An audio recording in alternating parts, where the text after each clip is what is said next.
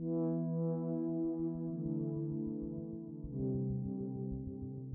og der sitter jeg og kan ikke forsvare meg. Hadde jeg vært en person som har vært i et vanlig forhold, at, var, at, jeg ikke var redd for livet mitt, hadde jeg ja, blitt sint. Og jeg angrer jo på nå at jeg ikke ba om sånn separat megling, for det var veldig nedbrytende og egentlig Jeg opplevde det nesten som ja, ny vold, da. Vold i nære relasjoner er et stort helseproblem og kan kalles for en global pandemi. Likevel snakkes det ikke nok om. I denne podkasten vil jeg fortelle historier om partnervold gjennom åtte anonymiserte menneskers erfaringer. Jeg har selv jobbet med denne tematikken i mange år gjennom å undersøke min egen familiehistorie og gjennom mitt arbeid som journalist. Og det er viktig for meg at vi vet hva vi snakker om når vi snakker om vold. Hva som er vold, hvor vanlig volden er, hvor lenge den sitter i, og at det er mange der ute som vil hjelpe. Dette er en podkast om vold og overlevelse. Mitt navn er Madeleine Schultz. En kort advarsel. Noen av beskrivelsene kan være vanskelig å lytte til. Vi har unnlatt å ta med de groveste fysiske voldsbeskrivelsene i denne podkasten, men de historiene vi skal fortelle, handler om flere former for vold. I denne episoden skal jeg se litt på hva det innebærer å være mor i en voldelig relasjon. Vi skal få høre begynnelsen av Ingrid sin historie om kampen for barna, men først skal vi bli bedre kjent med Ayan. Ayan er en småbarnsmor med bakgrunn fra et afrikansk land. Jeg kan ikke se det på henne gjennom videolinken foran meg, men hun har også en funksjonsnedsettelse som hindrer henne i å være fullstendig mobil i hverdagen. Av sikkerhetsgrunner så er stemmen til Ayan fordreid for å gi ekstra anonymitet. For noen år siden møtte Ayan en mann som hun falt for. Men ting endret seg ganske fort. Når han begynte å bli fysisk voldelig, jeg var ikke like sterk. Personer med funksjonsnedsettelser har opp mot tre ganger så høy risiko for å utsettes for vold sammenlignet med befolkningen for øvrig. Samtidig er det ikke så mange av dem som henvender seg til hjelpeapparatet. Hvis han, han, han pleide å krangle og begynne å, å være sint på kveldene, og da vet han jeg har ingen steder å dra. Det er kveld, jeg er ikke like mobil, eh, jeg kan ikke løpe fra ham. Så det gjorde Jeg begynte å se hvor mye fanget jeg var. Ayans mann unngikk lenge å utsette henne for fysisk vold foran barna, men etter hvert så endret også det seg. Den siste dråpen for meg var når han slo meg i ansiktet med flat hånd foran min to år gamle sønn. That. For meg, og, og dagen etter sønnen min Han ga tegn for at det var det. For at nå ta hånda si på sin egen skinn. Det bare øh. Jeg så fremtiden. Hvis jeg hadde blitt der, så, så var han i stand til å slå barna mine. Om han ikke gjorde det, så, så var de utsatt for mental øh, og verbal vold. Jeg klarte ikke å gå fra ham for min egen skyld, men jeg klarte å gå fra ham for barna mine sin skyld. Ayan søkte om separasjon, og paret ble kalt inn på familievernkontoret. På kontoret så oppførte mannen seg som en høflig og tilbaketrukket fyr, mens Ayan, som var redd og oppjaget, hun følte seg mistenkeliggjort av terapeuten som møtte dem der.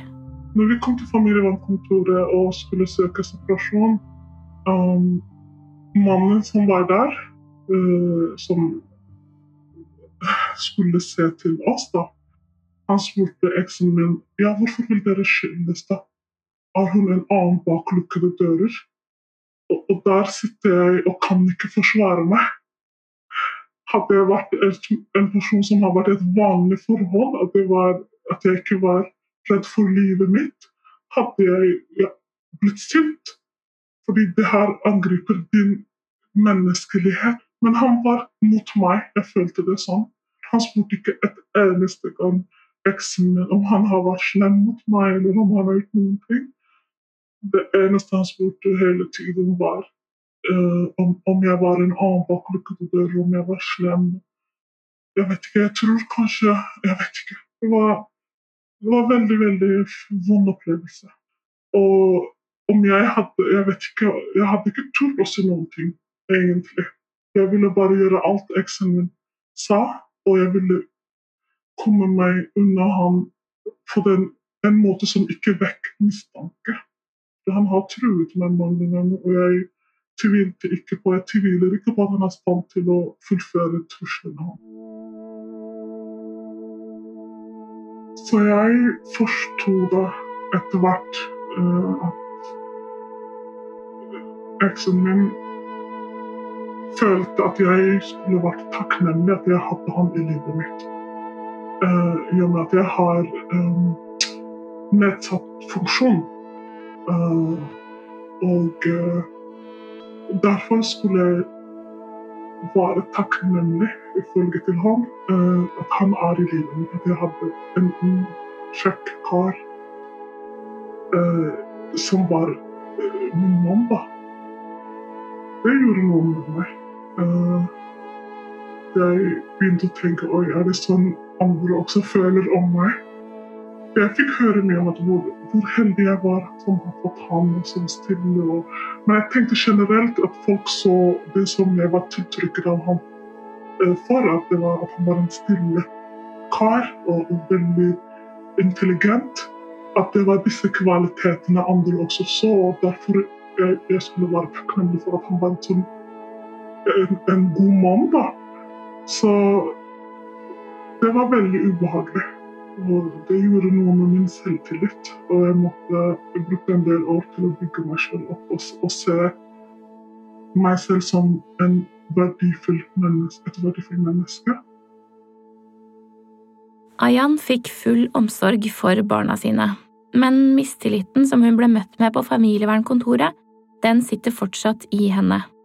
Daglig leder ved krisesenteret i Salten og omegn, Vanja Sæther, har også erfaring med at voldsutsatte mødre har blitt tatt dårlig imot av systemet.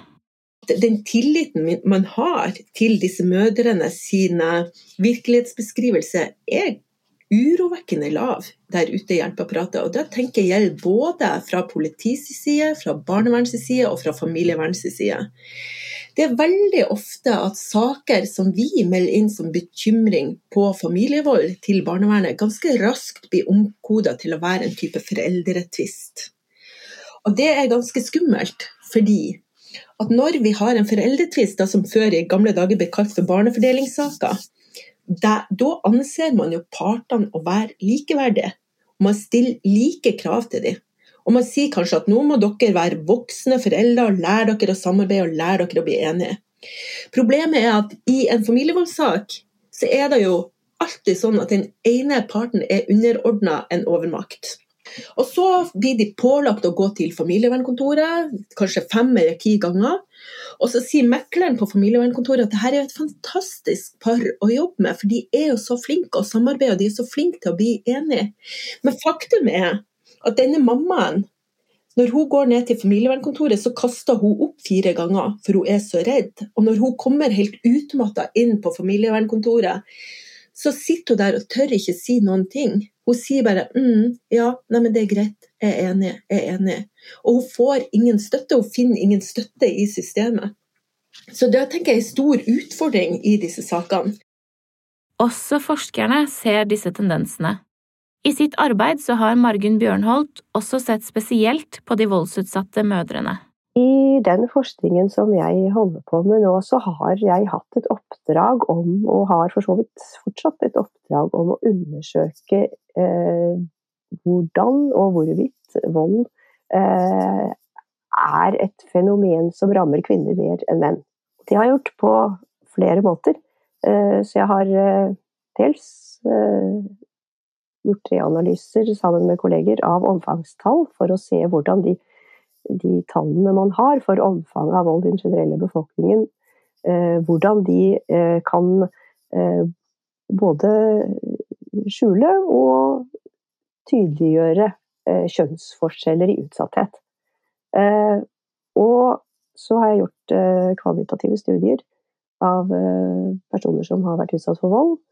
Og i de kvalitative studiene så kommer det veldig tydelig fram at det er noen typer vold og noen situasjoner for voldsutsatte som er veldig viktige for å forstå da, at volden ikke er likestilt.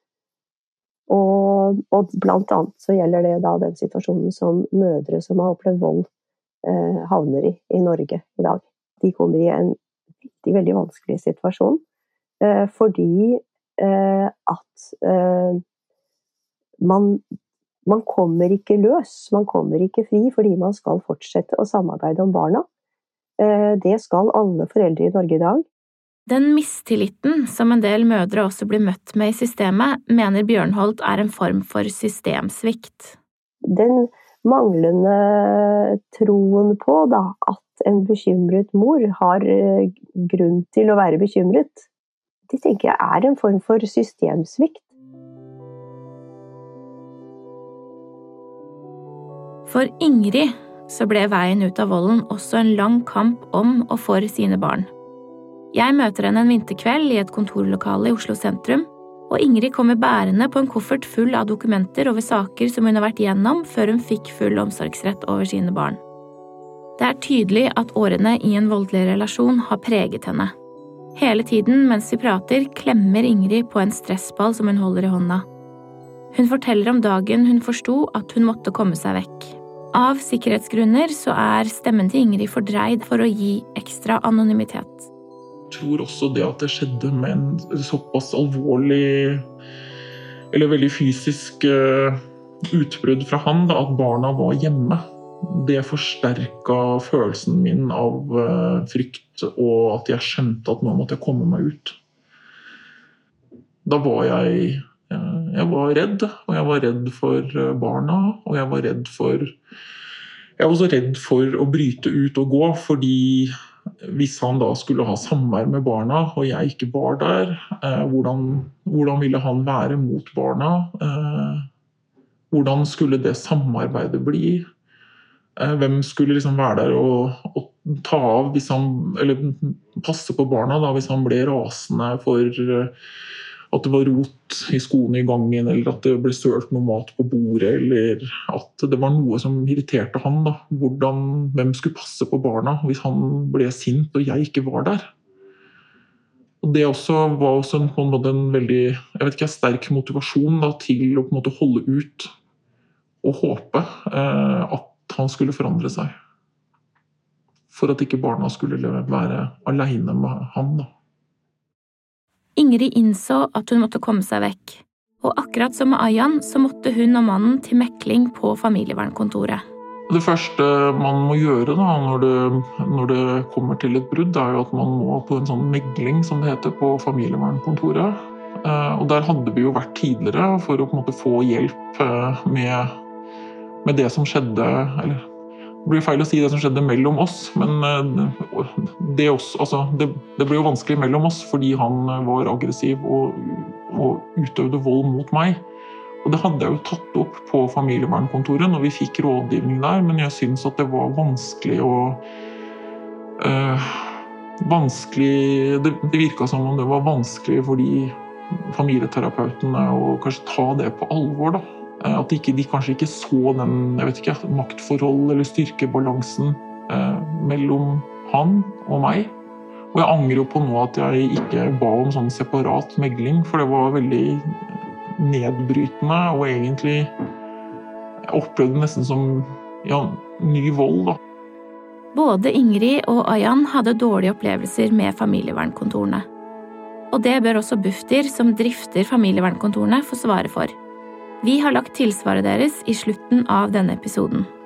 For Ingrid sin del så følte hun at volden ble usynliggjort.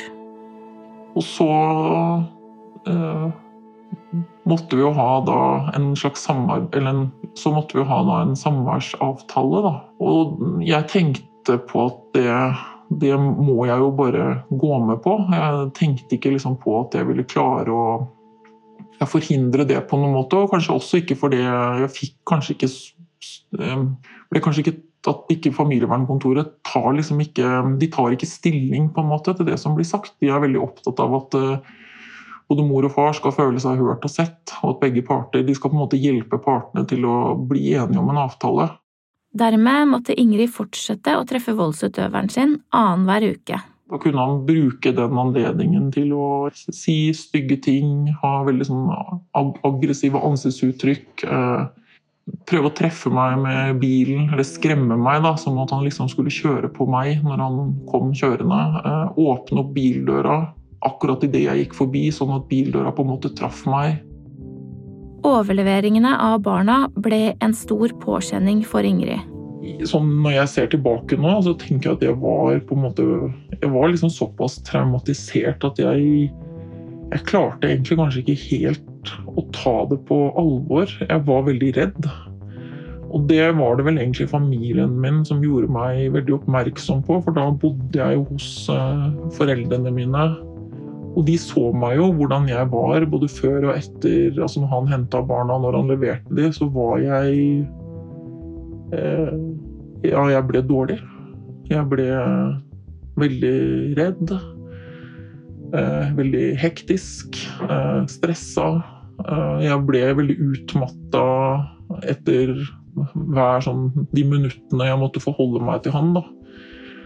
Så bestemte foreldrene mine at de skulle ta seg av disse eh, leveringene, rett og slett for å skjerme meg. Eh, og de sa at du er på en måte så traumatisert og du blir dårligere av å måtte forholde deg til han, så, så nå tar vi oss av de overleveringene. Etter hvert forsto hun likevel at situasjonen som den var, den ville ikke fungere på sikt. Verken for henne eller for barna. Jeg tok jo etter hvert kontakt med en advokat fordi jeg skjønte jo at, uh, at jeg måtte ha noe juridisk bistand uh, for at barna på en måte skulle sikres i en samværsavtale. Og den advokaten råda meg faktisk til å ikke anmelde volden fordi det var så høy henleggelsesprosent, og at det ville være såpass belastende å gå gjennom en rettssak. Men jeg, jeg er en som på en måte prøver å gjøre det som er riktig, eh, og det som er rett. Og jeg tenkte også at dette er også barnas eh, rettssikkerhet som skal ivaretas, det er ikke bare min. Så ikke nødvendigvis for at jeg tenkte at eh, han må i fengsel, men rett og slett for at han skulle stilles til ansvar for det han hadde gjort, og fordi barna hadde vært vitne til volden. Og at dette er på en måte en del av deres historie som de, når de ble, blir større og etter hvert voksne, skal på en måte kjenne til da, i større grad enn de gjør nå. Eh, så jeg valgte å anmelde volden. Etter at Ingrid anmeldte, måtte hun ned til politistasjonen. Nei, jeg, jeg, husker at jeg satt i, i en sånt avhørsrom på Grønland politistasjon og i mange, mange timer eh, og avga forklaring. Og jeg husker at det var eh, doble følelser. At jeg var veldig redd for hva skjer nå, når han får vite at jeg har gått til det skritt at jeg er politianmelder. For han bagatelliserte jo eh, det han hadde gjort, og mente jo at dette var noe jeg innbilte meg. At jeg var psykotisk og, og hadde liksom eh, feberfantasier om denne volden. At det ikke hadde skjedd, at det var oppspinn. Eh, så jeg var veldig redd for når han får et brev i posten om at han er anmeldt, hva skjer da? Så tok det jo veldig lang tid etter at jeg hadde avgitt forklaring. Så skal man jo lese gjennom den og signere på en måte at det stemmer, det som har blitt eh, loggført. Da. Det ble jo gjort eh, lyd- og videoopptak, og så skrives det ut på papir, og så skal man jo signere. Så jeg grua meg jo veldig. Hva gjør jeg nå, når han får det brevet i postkassa? Så etter hvert så tok frykten så overhånd at jeg valgte å trekke det som heter påtalebegjæring. Det betyr at jeg står ved anmeldelsen min, men at jeg ikke lenger begjærer at han skal bli eh, påtalt. Eh, det er ikke det samme som å trekke en anmeldelse, det er noe helt annet. og Det er viktig for meg å si, fordi jeg ble bare så redd. For hva skjer når han får vite det? Hvordan vil det påvirke barna og, og den uenigheten vi hadde rundt samværet? Da ville politiet ta noe som heter offentlig påtale. Og det er noe de gjør noen ganger, hvis man tenker at, at noen er kanskje trua eller pressa eh, til å, å ikke ville straffeforfølge den som har gjort noe straffbart. Men da husker jeg i den telefonsamtalen med politiet at jeg sa vær så snill, ikke gjør det. Jeg er nødt til å få til et samarbeid med han med barna. Så da, da, da ble, det, da ble ikke det noe offentlig påtale. Hun var altså så redd for eksmannen sin at hun valgte å trekke påtalebegjæringen. Som politioverbetjent Hanne Finnanger sa i en tidligere episode, så har politiet i disse sakene i stor grad sluttet å spørre om du vil anmelde. I dag er det i hovedsak opp til påtalejuristen hos politiet hvorvidt man skal ta ut tiltale mot en voldsutøver. Men selv når det blir tatt ut tiltale, så er det ofte langt igjen til en eventuell straff. For henleggelsesraten på vold i nære relasjoner, den er ganske høy. I en gjennomgang som SSB gjorde av saker mellom 2010 og 2017, så kommer det frem at 55% av alle anmeldelser av mishandling i nære relasjoner de blir henlagt på grunn av manglende bevis. Og det er flere årsaker til det, mener Finnanger. Det spørs jo hva du sammenligner med, men den er jo høyere enn enn f.eks. Uh, type vinningsbedrageri, uh, tyverisaker. Uh, men det handler jo i mange tilfeller om at det er, det er jo dette er jo volden som skjer litt i det skjulte. sant? Det er mye skam. Det er mennesker som både er glad i hverandre, men som også tidvis hater hverandre. Det er ikke et like enkelt bilde å etterforske, og det er ikke like rett fram å kjøre de i retten heller. Uh, og disse takene, sakene tar ofte ganske lang tid å etterforske, og man er uh, dessverre, vil jeg egentlig si, fortsatt ganske avhengig av den voldsutsatte forklaring og evne og vilje til å klare å, å stå i det. Um, så det er mange, det er mange um, utfordringer da, med å etterforske sånne saker. Um, og det å klare å, å da bevise at, at, det er et regime av vold, det er jo det, det, er det, vi gjør i forhold til den straffeparagrafen vi har som, som heter 282. Uh, da skal det også bevises, selvfølgelig, som i, som i alle andre saker. I Ayans tilfelle ble det ikke til noe møte med rettssystemet. Heller ikke Ingrid fikk noe rettssak om den volden som hun opplevde, men hun måtte gjennom rettssystemet etter hvert likevel. I neste episode skal vi få høre hvordan det gikk når Ingrid kom til domstolen og måtte kjempe for omsorgsretten for barna sine. Og så skal vi få høre fra Yvonne Fondenes, nyhetsanker i TV 2, som selv vokste opp med en far som var voldelig mot mor. På grunn av kritikken som blir rettet mot familievernkontorene i denne episoden, har vi innhentet et tilsvar fra avdelingsdirektør Tove Brusgaard i Bufdir. De sier Det er et mål at alle terapeuter i familievernet skal ha god kunnskap og forståelse for vold som fenomen, kompetanse i hvordan å spørre frem volden, og vite hva de skal gjøre når volden er avdekket. De skal også ha god beredskap og kunnskap om å vurdere risiko og ha etablerte rutiner for sikkerhetsarbeid.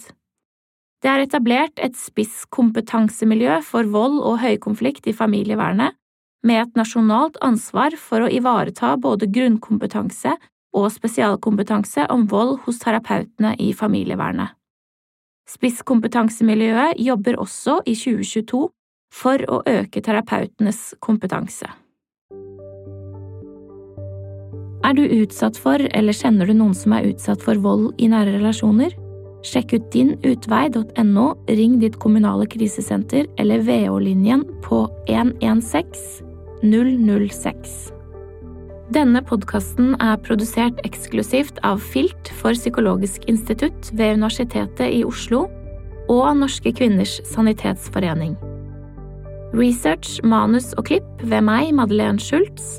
Produsent er Anne Gerd Grimsby Haarr, og koprodusent er Ida Palin Bostadløkken. Prosjektledere hos UiO er Joyce Antonia Oyokoyo og Beate Seibt, som også er ansvarlig utgiver. Takk til alle kilder som har delt sine historier, og fagpersoner for å bidra med sin kunnskap. Podkasten er støttet av Stiftelsen Dam.